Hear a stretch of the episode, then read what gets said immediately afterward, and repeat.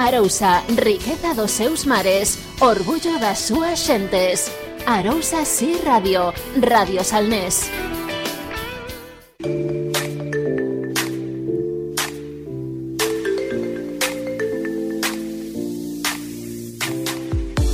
Arousa Pontevedra, día a día. Con Puri González, con toda a información das comarcas. Escoítanos.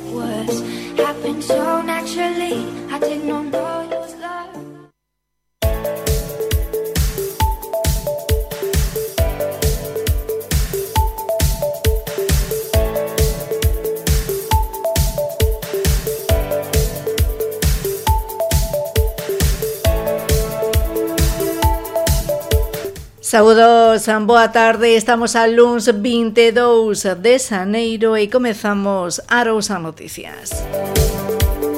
Empezamos a semana de novo entre chuvias a consecuencia dos efectos dunha nova, dunha nova fronte que, segundo as previsións de Meteo Galicia, prolongarase ata mañá martes, aínda que as chuvias irán, irán diminuindo conforme avance a xornada. Ademais, está activada alerta amarela para esta tarde no litoral por fenómeno meteorolóxico adverso. En canto ás temperaturas, mantéñense en valores suaves, oscilando entre os 12 graus de mínima e os 15 de máxima.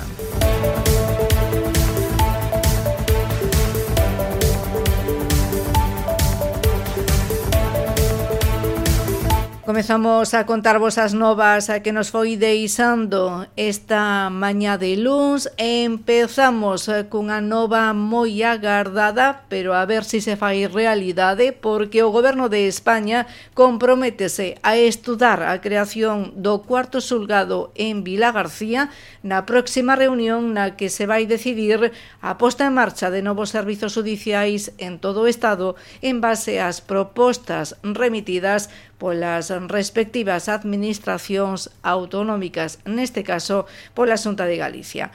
Este compromiso foi o resultado do encontro que o alcalde de Vila García, Alberto Varela, mantivo esta fin de semana co ministro de Xustiza, Félix Bolaños, aproveitando a coincidencia de ambos na convención política que os socialistas celebraron na Coruña. Segundo explica o goberno de Vila García, o alcalde trasladoulle ao ministro o colapso que sufren os tres xulgados en activo e a excesiva carga de traballo que soporta o persoal dos mesmos. En todo caso, para que o Estado poida dar luz verde a esa cuarta sala de Vila García previamente asunta, ademais de incluíla na súa proposta de necesidades, terá que darlle a máxima prioridade.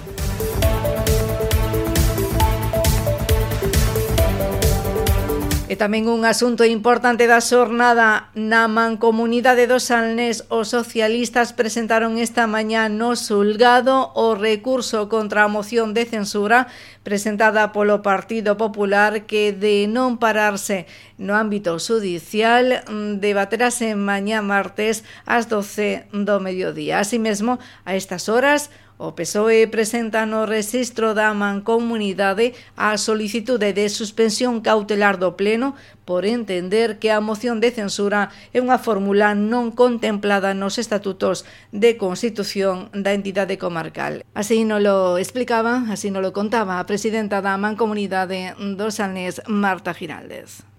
Bueno, pois imos a proceder á presentación dun escrito no que asinado polos cinco alcaldes do Partido Socialista no que pedimos que a Secretaría se pronuncie sobre a suspensión do pleno da Mancomunidade que está convocado, como sabedes, para o día de mañán ás 12 horas. Habida conta de que tamén tivemos presentado esta mañán un recurso contencioso contra a convocatoria do Pleno, no que se interesan tamén medidas cautelares de paralización e suspensión do Pleno en tanto non se resolva a cuestión de fondo. Entendemos que a celebración dese Pleno sen esperar a resolución judicial pues, pois podría causar prexuicios irreparables de, bueno, pues, para a mancomunidade do Salnés, co cual entendemos que a Secretaria pues, pois, debe pronunciarse sobre esta solicitude de suspensión antes da celebración do Pleno para, para o día de mañán. E, bueno, pues agora vamos a proceder a registrar este escrito co justificante de ter presentado o recurso contencioso. En que xulgado presentaste ese recurso e a petición de, eh, de paralización das medidas? No xulgado do contencioso administrativo de Pontevedra que é o competente para resolver a, sobre a materia, vamos.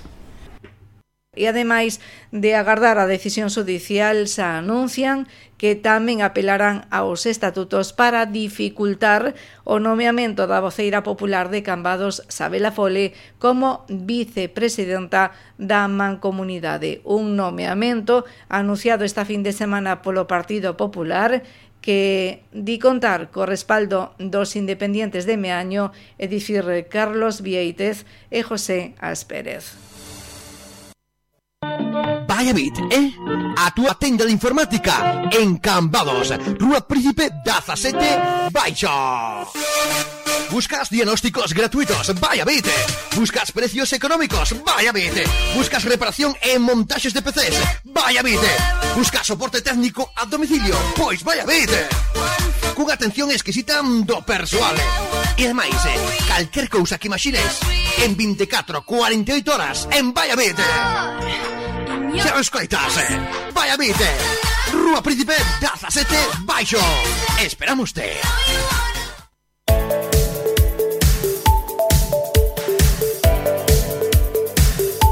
E máis cousas aínda baixo os efectos da manifestación en defensa do futuro do mar que este domingo congregou en Santiago a milleiros de persoas, entre elas unha ampla representación do sector do mar da Ría da Rousa, confrarías, agrupacións de AP de aflote, bateiros e colectivos ecoloxistas encabezados pola plataforma en defensa da Ría da Rousa reclamaron solucións á Xunta de Galicia. Unha manifestación manifestación calificada como política dende a Xunta e que dende a plataforma o presidente do colectivo Saquín Rubido negaba.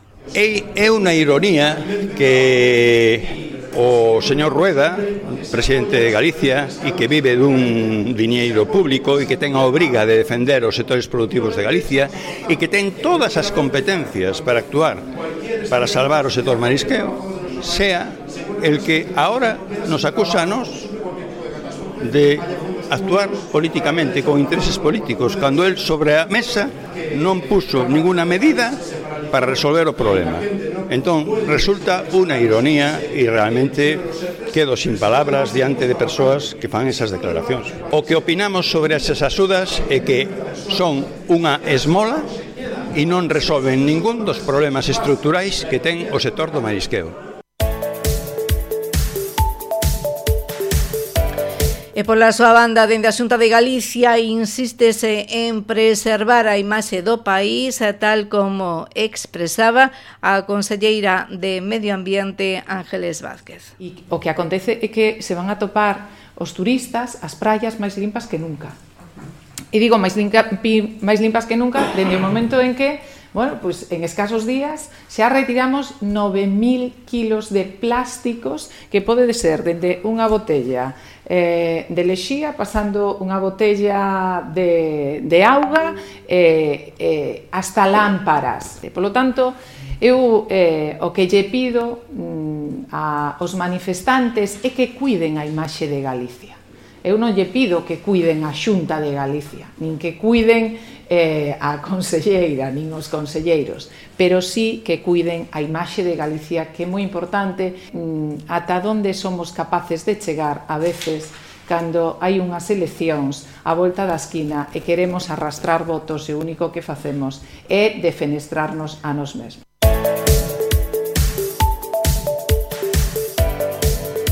Esa en crónica municipal en Vila García, a Asturias, coas que o Concello decorou as rúas comerciais da cidade durante a campaña de Nadal Pasaron de lucir en macetas brancas en unha contorna urbana a medrar libremente na zona natural de Pinar do Rei. Os operarios do Servizo Municipal de Sardins e foron os que finalmente se encargaron de plantar as árbores no Parque Forestal da Ladeira de Siabre ou non poder levarse a cabo a actividade medioambiental de repobación co alumnado da Escola Unitaria de Guillán como estaba previsto debido á persistente chuvia. Das 300 árbores adquiridas plantáronse as 260 recuperadas das rúas tras eh, restar os exemplares malogrados como consecuencia dos temporais e tamén as sustraccións por outra banda, inicianse as obras para dotar de Beirarrúas a Rúa Ameixeiras no tramo de 110 metros que enlaza coa avenida de Cambados, onde se sitúa a parada do transporte público. Unha actuación coa que o goberno local asegura dar resposta á petición realizada pola veciñanza e a comunidade educativa do Instituto Armando Cotarelo. Para poder realizar a obra, aproveitaránse os terreos de titularidade municipal resultante antes da cesión prevista no proxecto de urbanización do solar que fai esquina coa avenida. Isto permitirá habilitar a plataforma de paso para os peóns sen afectar aos dous carrís para a circulación de vehículos en ambos sentidos, a vez que asustar a rúa as aliñacións recollidas no pesón.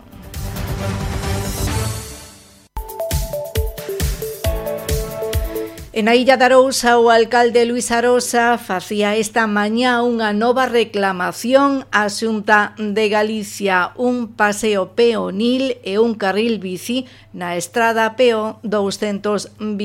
Actuacións que demanda para que a Illa de Arousa di non sexa menos que outros municipios da contorna como Vilanova ou San Senso. Vemos outros concellos que sin ir moi lonxe, só cruzando o puente, que xa non teñen máis sendas peatonales que facer, exemplo Vilanova, que xa leva máis de 4 millóns de euros eh, invertidos e temos outro claro exemplo en Sanxenxo.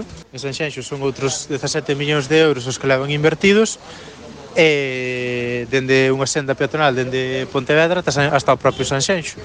Eu non pido máis que, les, que estes concellos, eu pido o mismo.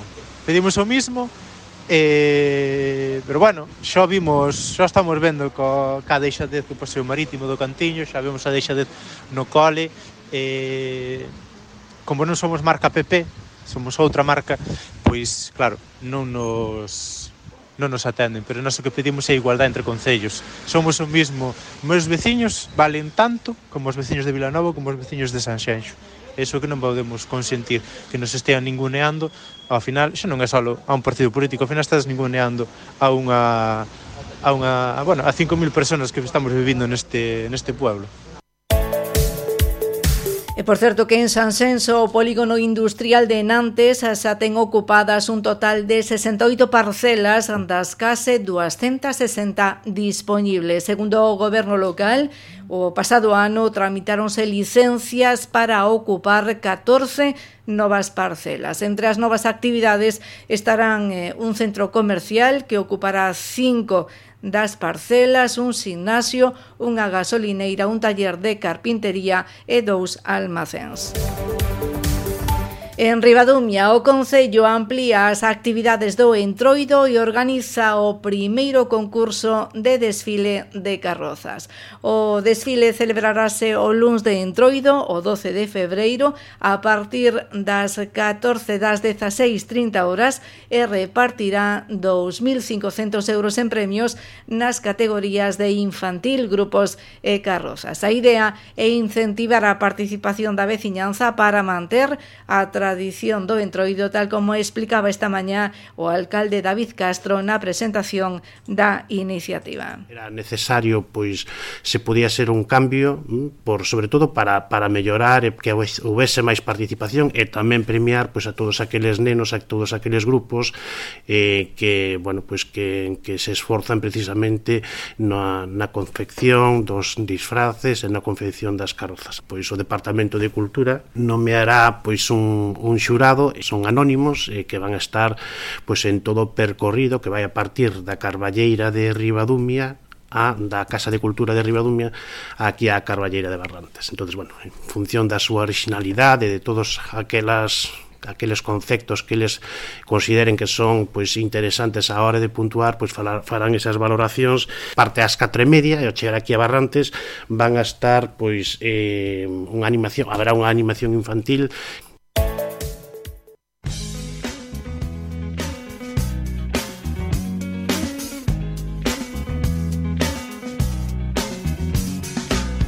to decide that the things that I tried were